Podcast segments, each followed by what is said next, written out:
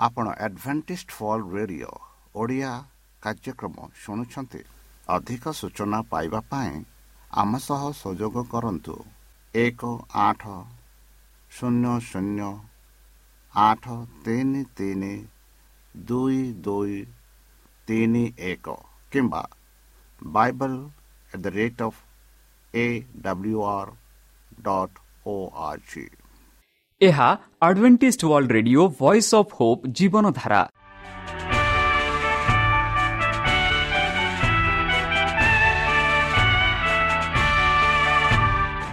Odia radio କାର୍ଯ୍ୟକ୍ରମ ଯାହା ଆମର ଆନ୍ତର୍ଜାତୀୟ ଆଘାତ କେନ୍ଦ୍ରରୁ ପ୍ରସାରଣ କରାଯାଉଛି ପ୍ରତିଦିନ ରାତି ନଅଟା ତିରିଶ ମିନିଟ୍ରେ। ମୁଁ ସୁବ୍ରତ କୁମାର ପତି ପ୍ରେମର ସହ ଆପଣମାନଙ୍କୁ ଏହି କାର୍ଯ୍ୟକ୍ରମକୁ ସ୍ୱାଗତ କରୁଅଛି। ଚାଲନ୍ତୁ ଆଜିର ତିରିଶ ମିନିଟ୍ର କାର୍ଯ୍ୟକ୍ରମ ବିଷୟରେ ଜାଣିନେବା। ପ୍ରଥମେ ରଖିଛୁ ଆଧ୍ୟାତ୍ମିକ ଭକ୍ତିମୟ ଗୀତ। ଏହାପରେ ଶୁଣିବା ସ୍ୱାସ୍ଥ୍ୟ ବିଷୟରେ ଭକ୍ତଙ୍କଠାରୁ ଜୀବନଦାୟକ ଈଶ୍ୱରଙ୍କ ବାକ୍ୟ। ପ୍ରିୟ ଶ୍ରୋତା ତାହେଲେ ଚାଲନ୍ତୁ ଶୁଣିବା ଏକ ଆଧ୍ୟାତ୍ମିକ ଭକ୍ତିମୟ ଗୀତ।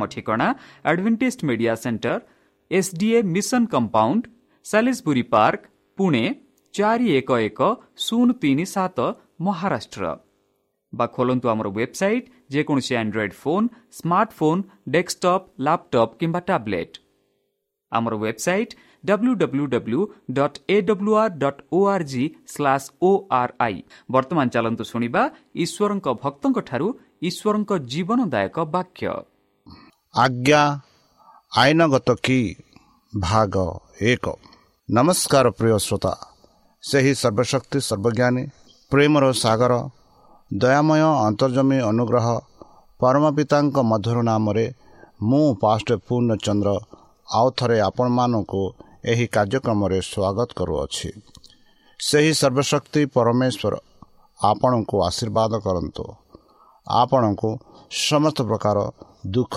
କଷ୍ଟ ବାଧା କ୍ଲେଶ ଓ ରୋଗରୁ ଦୂରେଇ ରଖନ୍ତୁ। ଶତ୍ରୁ ସୈତାନ ହସ୍ତରୁ ସେ ଆପଣଙ୍କୁ ସୁରକ୍ଷାରେ ରଖନ୍ତୁ।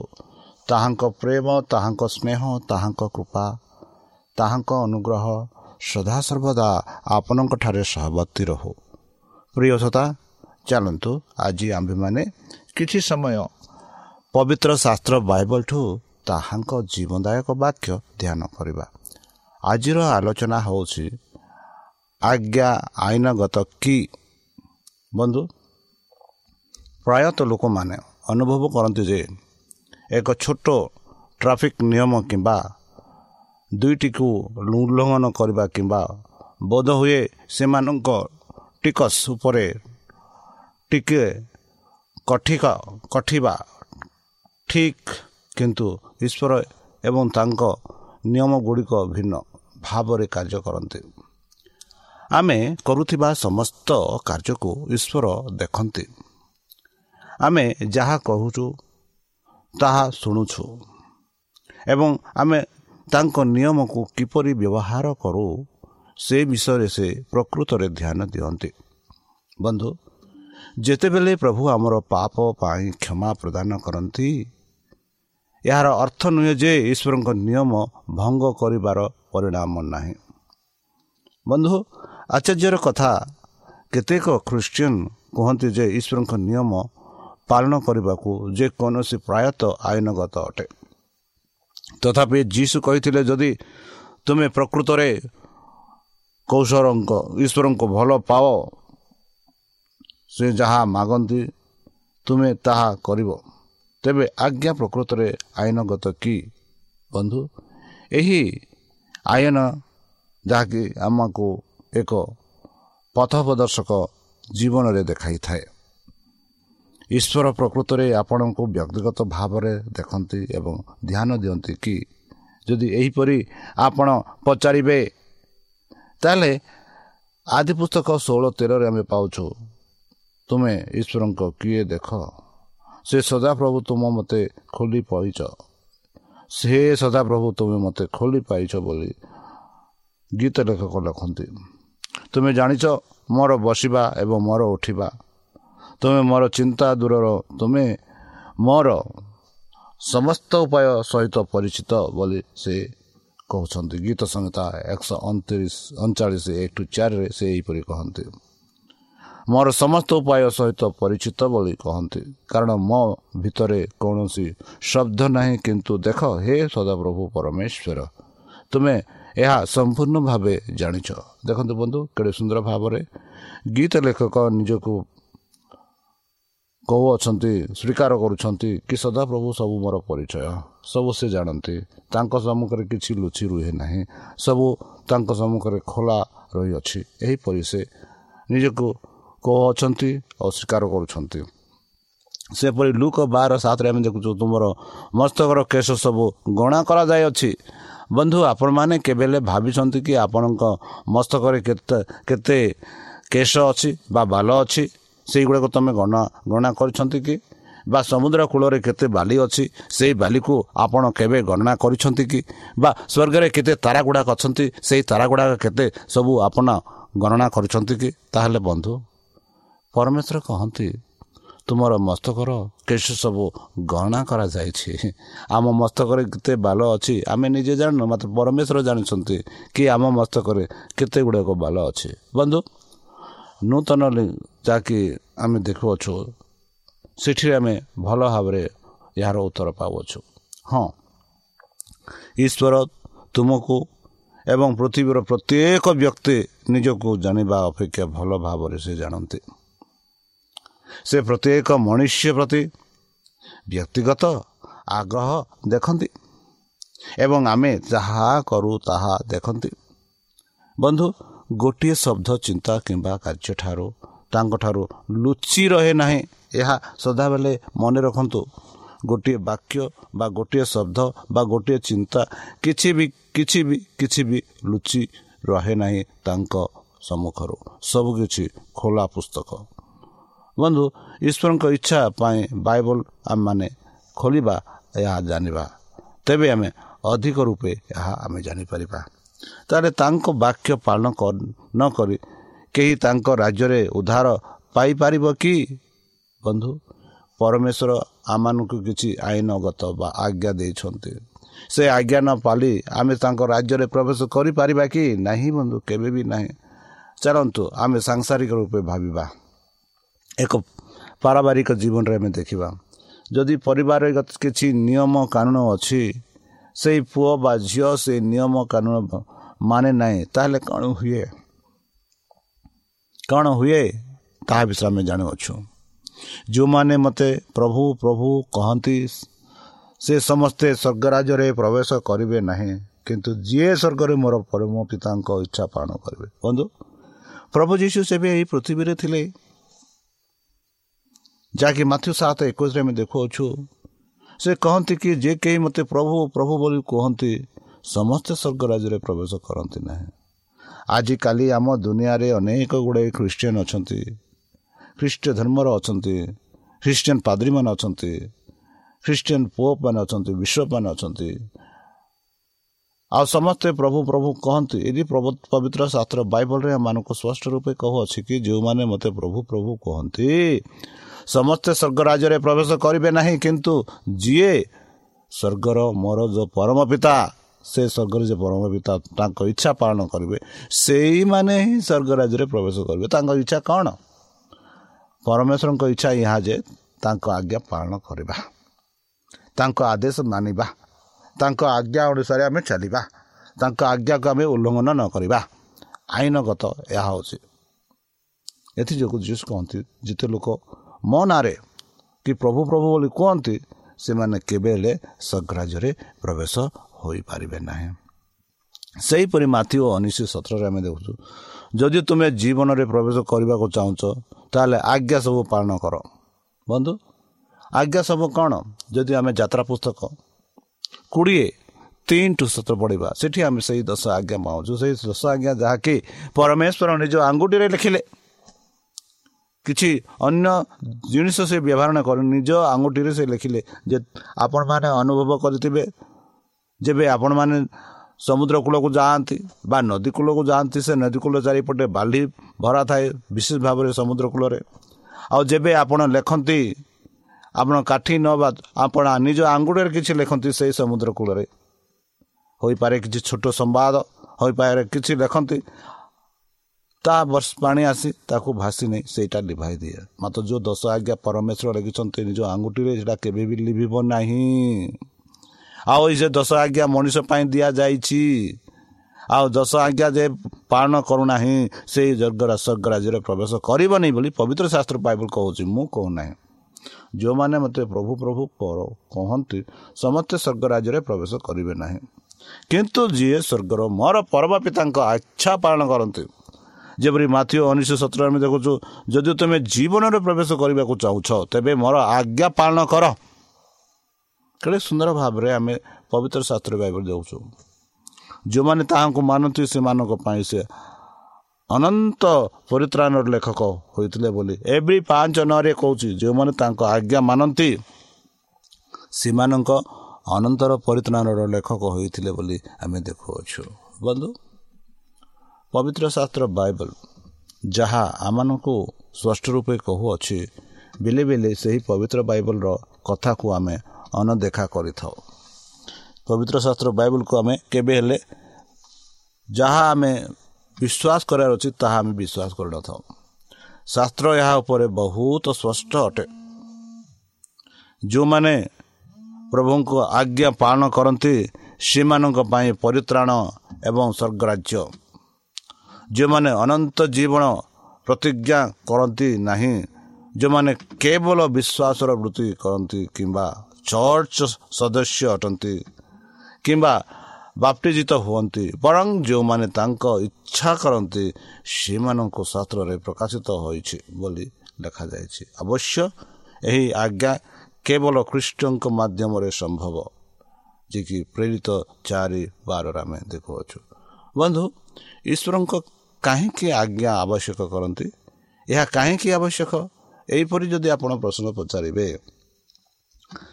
କାରଣ ଫାଟକ ସଂକୀର୍ଣ୍ଣ ଏବଂ ଜୀବନକୁ ବାଟ ଦେବା କଷ୍ଟକର ଏବଂ ଏହାକୁ ଖୋଜୁଥିବା ଅଳ୍ପ ଲୋକ ଅଛନ୍ତି। ଏହିପରି ମାଥ୍ୟୁ ସାତ ଚଉଦରେ ଆମେ ଦେଖୁଛୁ। ଯିଏ ମୋ ବିରୁଦ୍ଧରେ ପାପ କରେ ସେ ନିଜ ଆତ୍ମାକୁ ଅନ୍ୟାୟ କରେ। ଯେଉଁମାନେ ମୋତେ ଘୃଣା କରନ୍ତି ସେମାନେ ମୃତ୍ୟୁକୁ ଭଲ ପାଆନ୍ତି ଏହିପରି ହିତୋପଦେଶ ଆଠ ଛତିଶରେ କହୁଛି ସଦାପ୍ରଭୁ ଆମମାନଙ୍କୁ ଏହି ସମସ୍ତ ନିୟମ ପାଳନ କରିବାକୁ ଆଦେଶ ଦିଅନ୍ତି ବନ୍ଧୁ ସଦାପ୍ରଭୁ ଆମମାନଙ୍କୁ ପରମେଶ୍ୱରଙ୍କ ଭୟ କରିବା ପାଇଁ ଆମମାନଙ୍କ ମଙ୍ଗଳ ପାଇଁ ଯେପରି ସେ ଆମମାନଙ୍କୁ ଜୀବିତ ରଖିବେ ଏହିପରି ଦ୍ୱିତୀୟ ବିବରଣ ଛଅ ଚବିଶ ଆମେ ପାଉଛୁ। କାହିଁକି ଆମେ ଈଶ୍ୱରଙ୍କ ଆଜ୍ଞା ମାନିବାକୁ ପଡ଼ିବ? ଆମେ ଈଶ୍ୱରଙ୍କ ଆଜ୍ଞା ମାନିବାକୁ ପଡ଼ିବ। କାରଣ ପରମେଶ୍ୱରକୁ ଆମେ ଭୟ କରିବା। ଯେପରିକି ଆମମାନଙ୍କ ଜୀବିତ ରଖିବେ ଯେପରି ଆମେ ଜୀବିତ ରହିପାରିବା ଆମମାନଙ୍କ ମଙ୍ଗଳ ପାଇଁ ଯେପରି ସେ ଆମମାନଙ୍କୁ ଜୀବିତ ରଖିବ ଏଥିପାଇଁ ବନ୍ଧୁ। କାରଣ କେବଳ ଗୋଟିଏ ପଥ ଈଶ୍ୱରଙ୍କ ରାଜ୍ୟକୁ ନେଇଥାଏ। ସମସ୍ତ ରାସ୍ତା ସମାନ ସ୍ଥାନକୁ ଯାଏ ନାହିଁ ଏହା ମନେ ରଖନ୍ତୁ। ବାଇବଲ ହେଉଛି ମାନଚିତ୍ର। ସେହି ରାଜ୍ୟକୁ କିପରି ସୁରକ୍ଷିତ ଭାବରେ ପହଞ୍ଚିବ ସେ ସମ୍ବନ୍ଧରେ ସମସ୍ତ ନିର୍ଦ୍ଧାରନାମା ଚେତାବନୀ ଏବଂ ସୂଚନା ସହିତ ଏକ ପଥ ବହି। ଏଥିରୁ କୌଣସିଟିକୁ ଅପମାନନା କରିବା ଆମକୁ ଈଶ୍ୱର ଏବଂ ତାଙ୍କ ରାଜ୍ୟଠାରୁ ଦୂରେଇ ନେଇଥାଏ। ଈଶ୍ୱରଙ୍କ ବ୍ରହ୍ମାଣ୍ଡ ହେଉଛି ଏକ ନିୟମ ପ୍ରାକୃତିକ ନୈତିକ ଏବଂ ଆଧ୍ୟାତ୍ମିକ ଅନ୍ତର୍ଭୁକ୍ତ କରେ। ଏହି ନିୟମ ଗୁଡ଼ିକ ମଧ୍ୟରୁ କୌଣସି ଭାଙ୍ଗିବା ଦ୍ୱାରା ଏହାର ସ୍ଥିର ପରିଣାମ ରହିଛି। ଯଦି ବାଇବଲ ଦିଆଯାଇ ନାହାନ୍ତା ଲୋକମାନେ ଶୀଘ୍ର କିମ୍ବା ବିଳମ୍ବରେ ଆବିଷ୍କାର କରିଥାନ୍ତେ। ପରୀକ୍ଷା ଏବଂ ତ୍ରୁଟି ଦ୍ୱାରା ବାଇବଲର ମହାନ ନୀତି ଗୁଡ଼ିକ ବିଦ୍ୟମାନ ଏବଂ ସତ୍ୟ ଅଟେ। ମନେ ରଖନ୍ତୁ ଏହା। ଯେତେବେଳେ ଏହାକୁ ଅନଦେଖା କରାଯାଏ ସେମାନେ ରୋଗ ଯନ୍ତ୍ରଣା ଏବଂ ପ୍ରତ୍ୟେକ ପ୍ରକାରର ଅସନ୍ତୋଷର କାରଣ ହୁଅନ୍ତି। ତେଣୁ ବାଇବଲର ବାକ୍ୟ ଗୁଡ଼ିକ କେବଳ ଉପଦେଶ ନୁହେଁ ଯାହା ଆମେ ପରିଣାମ ବିନା ଗ୍ରହଣ କରିପାରିବା କିମ୍ବା ଅନଦେଖା କରିବା। ବନ୍ଧୁ ତାହେଲେ ଈଶ୍ୱର କାହିଁକି ଅବାଧ୍ୟତାକୁ ଜାରି ରଖିବାକୁ ଅନୁମତି ଦିଅନ୍ତି? ବର୍ତ୍ତମାନ ପାପ ପାପୀମାନଙ୍କୁ କାହିଁକି ନଷ୍ଟ କରୁନାହାନ୍ତି? ଏହିପରି ଯଦି ପ୍ରଶ୍ନ ପଚାରିବେ ବାଇବଲ ଏହାର ଉତ୍ତର ଭଲ ଭାବରେ ଦେଉଅଛି ଦେଖ ପ୍ରଭୁ ତାଙ୍କର ଦଶ ହଜାର ସାଧୁଙ୍କ ସହିତ ଆସନ୍ତି। ସମସ୍ତଙ୍କ ଉପରେ ନ୍ୟାୟ ଦେବା ପାଇଁ। ସେମାନଙ୍କ ମଧ୍ୟରେ ଯେଉଁମାନେ ଅଧାର୍ମିକ ଅଟନ୍ତି ସେମାନଙ୍କୁ ସମସ୍ତ ଅଧର୍ମରେ ଦୋଷୀ ସାବ୍ୟସ୍ତ କରିବା ପାଇଁ ଏବଂ ସମସ୍ତ ପାପପୂର୍ଣ୍ଣ ଅପରାଧ ବିଷୟରେ ଦୋଷୀ ସାବ୍ୟସ୍ତ କରିବା ପାଇଁ ଆସନ୍ତି। ତାଙ୍କ ବିରୁଦ୍ଧରେ କଥା ହୋଇଛନ୍ତି। ଏହିପରି ଜୁହୁଦା ଏକ ଚଉଦ ପନ୍ଦରରେ ଆମେ ପାଉଛୁ। ଦେଖନ୍ତୁ ବନ୍ଧୁ ପରମେଶ୍ୱର ଆସନ୍ତି। ଆସିବେ ଯେଉଁମାନେ ତାଙ୍କ ଧର୍ମ ତାଙ୍କ ପବିତ୍ର ଶାସ୍ତ୍ର ବାଇବଲ ତାଙ୍କ ଦଶ ଆଜ୍ଞା ପାଳନ କରିଛନ୍ତି ତାଙ୍କ ବିଷୟରେ ଯେଉଁ ସାବ୍ୟସ୍ତ ବା ବିଚାର କରିବେ ଆଉ ଯେଉଁମାନେ ତାଙ୍କ ପବିତ୍ର ପବିତ୍ର ଶାସ୍ତ୍ରର ବାଇବଲର ଦଶ ଆଜ୍ଞା ମାନୁନାହାନ୍ତି ସେ ସେମାନଙ୍କ ଉପରେ ମଧ୍ୟ ବିଚାର କରିବ। ଆଉ ସେ ବିଚାର ଅନୁସାରେ ତା'ର ପରିଣାମ ଦିଆଯିବ। ସଦାପ୍ରଭୁ କହନ୍ତି ଏହିପରି ରୋମିଓ ଚଉଦ ଏଗାରରେ ମୁଁ ଜୀବିତ ଥିବାବେଳେ ପ୍ରତ୍ୟେକ ଆଣ୍ଠୁ ମୋତେ ପ୍ରମାଣ କରିବ ଏବଂ ପ୍ରତ୍ୟେକ ବିଲ ଈଶ୍ୱରଙ୍କ ନିକଟରେ ସ୍ୱୀକାର କରିବ। ପ୍ରତ୍ୟେକ ଜୀବ ଈଶ୍ୱରଙ୍କ ନିକଟରେ ସ୍ୱୀକାର କରିବ। ବନ୍ଧୁ ପରମେଶ୍ୱର ଏହି ଜଗତକୁ ସୃଷ୍ଟି କରିଛନ୍ତି। ପରମେଶ୍ୱର ଏହି ଜଗତରେ ରହିଲେ ତାଙ୍କ ପୁତ୍ରକୁ ପଠାଇଲେ ଆଉ ତାଙ୍କ ପୁତ୍ର କୃଷରେ ଜୀବନ ଦାନ ଦେଲେ। ଆଉ ତାଙ୍କ ପୁତ୍ରମାନଙ୍କୁ ଏହିପରି କଲେ ଯଦି ମୋତେ ପ୍ରେମ କରୁଅଛ ତାହେଲେ ମୋର ଆଜ୍ଞା ପାଳନ କର। ତାଙ୍କ ଆଜ୍ଞା ପାଳନ ତାଙ୍କ ଆଜ୍ଞା ହେଉଛି କି ଆମେ ଜଗତକୁ ଯାଇ ତାଙ୍କ ବିଷୟରେ ପ୍ରଚାର କରିବା। ଆଉ ସେଇ ଦଶ ଆଜ୍ଞା ବିଷୟରେ ଆମେ କହିବା ସେଇ ବିଶ୍ରାମ ଦିନ ବିଷୟରେ କହିବା ଯେପରିକି ସମସ୍ତେ ସେ ସ୍ୱର୍ଗ ରାଜ୍ୟରେ ସ୍ଥାନ ପାଇବେ। ବନ୍ଧୁ ଈଶ୍ୱର ପାପକୁ ନଷ୍ଟ କରିବେ ନାହିଁ। ଯେପର୍ଯ୍ୟନ୍ତ ସମସ୍ତେ ତାଙ୍କ ନ୍ୟାୟ ତାଙ୍କ ପ୍ରେମ ଏବଂ ତାଙ୍କ ଦୟା ଉପରେ ସମ୍ପୂର୍ଣ୍ଣ ଭାବେ ବିଶ୍ୱାସ ନ କରନ୍ତି। ମନେ ରଖନ୍ତୁ ଈଶ୍ୱର ପାପକୁ ନଷ୍ଟ କରିବେ ନାହିଁ। ଯେପର୍ଯ୍ୟନ୍ତ ସମସ୍ତେ ତାଙ୍କ ନ୍ୟାୟ ତାଙ୍କ ପ୍ରେମ ଏବଂ ତାଙ୍କ ଦୟା ଉପରେ ସମ୍ପୂର୍ଣ୍ଣ ଭାବେ ବିଶ୍ୱାସ ନ କରନ୍ତି। ସମସ୍ତେ ଶେଷରେ ହୃଦୟଙ୍ଗମ କରିବେ। ଯେ ଈଶ୍ୱର ଆଜ୍ଞା ମାଗି ତାଙ୍କ ଇଚ୍ଛାକୁ ଆମ ଉପରେ ବାଧ୍ୟ କରିବାକୁ ଚେଷ୍ଟା କରୁନାହାନ୍ତି। ବରଂ ଆମକୁ ନିଜକୁ କ୍ଷତି ପହଞ୍ଚାଇବା ଏବଂ ବିନାଶ ନ କରିବାକୁ ଚେଷ୍ଟା କରୁଛନ୍ତି।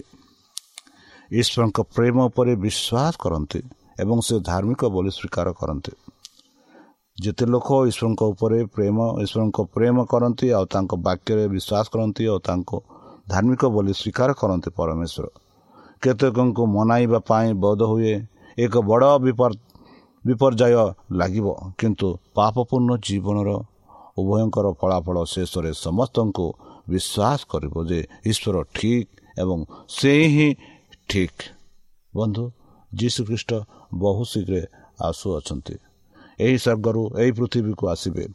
ଆଉ ଯେତେ ଭୁଲ କାମ ଆମେ କରୁଅଛୁ ଯେତେ ପାପ କାମ ଆମେ କରୁଅଛୁ ସବୁ ସେ ପାପ ସେ ଭୁଲ ସବୁ ପରମେଶ୍ୱର ବିଚାର କରିବେ ଆଉ ସେଇ ବିଚାର ସ୍ଥାନରେ ଆପଣ ମୁଁ ସମସ୍ତେ ଛିଡ଼ା ହେବା ଆଉ ଆମର କାର୍ଯ୍ୟ ଅନୁସାରେ ସେ ବିଚାରର ଫଳାଫଳ ପାଇପାରିବା ତାହେଲେ ବନ୍ଧୁ ଚାଲନ୍ତୁ ନିଜକୁ ସମର୍ପଣ କରି ତାଙ୍କ ଆଜ୍ଞା ମାନିବା ତାଙ୍କ ଆଇନ ମାନିବା ଆଉ ତାଙ୍କ ବାଇବଲ ଆଜ୍ଞା ଅନୁସାରେ ଆମେ ଚାଲିବା ଯେପରିକି ସେ ସ୍ୱର୍ଗ ରାଜ୍ୟରେ ଆମର ଏକ ବାସସ୍ଥାନ ପାଇପାରିବା। ଏଥିଯୋଗୁଁ ଚାଲନ୍ତୁ ନିଜକୁ ସମର୍ପଣ କରି। ତାହାଙ୍କ ମଧୁର ନାମେ ଆମେ ପ୍ରାର୍ଥନା କରିବା। ହେ ଆମ୍ଭମାନଙ୍କ ସର୍ବଶକ୍ତି ସର୍ବଜ୍ଞାନୀ ପ୍ରେମର ସାଗର ଦୟାମୟ ଅନ୍ତର୍ଜମୀ ଅନୁଗ୍ରହ ପରମ ପିତା। ଧନ୍ୟବାଦ ଅର୍ପଣ କରୁଅଛୁ ପ୍ରଭୁ ବର୍ତ୍ତମାନ ଯେଉଁ ବାକ୍ୟ ତୁମ ଭକ୍ତମାନଙ୍କୁ ଶୁଣିଲେ ସେହି ବାକ୍ୟ ଅନୁସାରେ ଏମାନଙ୍କୁ ଚାଲିବା ପାଇଁ ବୁଦ୍ଧିରେ ଜ୍ଞାନରେ ଶକ୍ତିରେ ପରିପୂର୍ଣ୍ଣ କର। ଆମ ପାପ ସବୁ ତୁମ ସେହି ବହୁମୂଲ୍ୟ ରକ୍ତରେ ପରିଷ୍କାର ରୂପେ ଧୋଇଦିଅ ଆଉ ପରିଶେଷ ଯେବେ ତୁମେ ତୁମ ସେହି ସହସ୍ର ଦୂତଙ୍କ ସହ ଆସିବେ ସେତେବେଳେ ଆମମାନଙ୍କୁ ଏକ ବାସସ୍ଥାନ ଦିଅ ବୋଲି ତ୍ରାଣକର୍ତ୍ତା ପ୍ରଭୁ ଯୀଶୁଙ୍କ ମଧୁରମୟ ନାମରେ ଏହି ଛୋଟ ବିଚାମ ଅଛି ଶନିଗ୍ରହଣ କର। ଆମେନ୍। ପ୍ରିୟ ଶ୍ରୋତା ଆମେ ଆଶା କରୁଛୁ ଯେ ଆମର କାର୍ଯ୍ୟକ୍ରମ ଆପଣମାନଙ୍କୁ ପସନ୍ଦ ଲାଗୁଥିବ। ଆପଣଙ୍କର ମତାମତ ଜଣାଇବା ପାଇଁ ଆମର ଏହି ଠିକଣାରେ ଯୋଗାଯୋଗ କରନ୍ତୁ। আম ঠিকনা advantage media centre SDA mission compound সাি park Pune চারি এক এক শূন্য তিন সাত মহারাষ্ট্র বা খোলতু আমার ওয়েবসাইট যেকোন Android phone smartphone desktop laptop কিংবা ট্যাবলেট আমার website www.awr.org/ori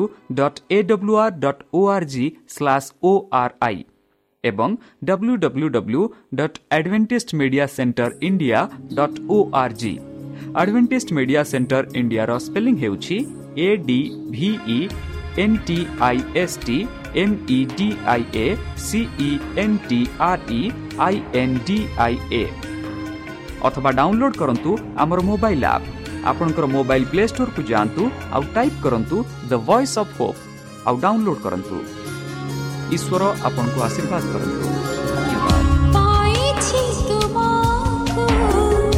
ମୋର ଜୀବନେ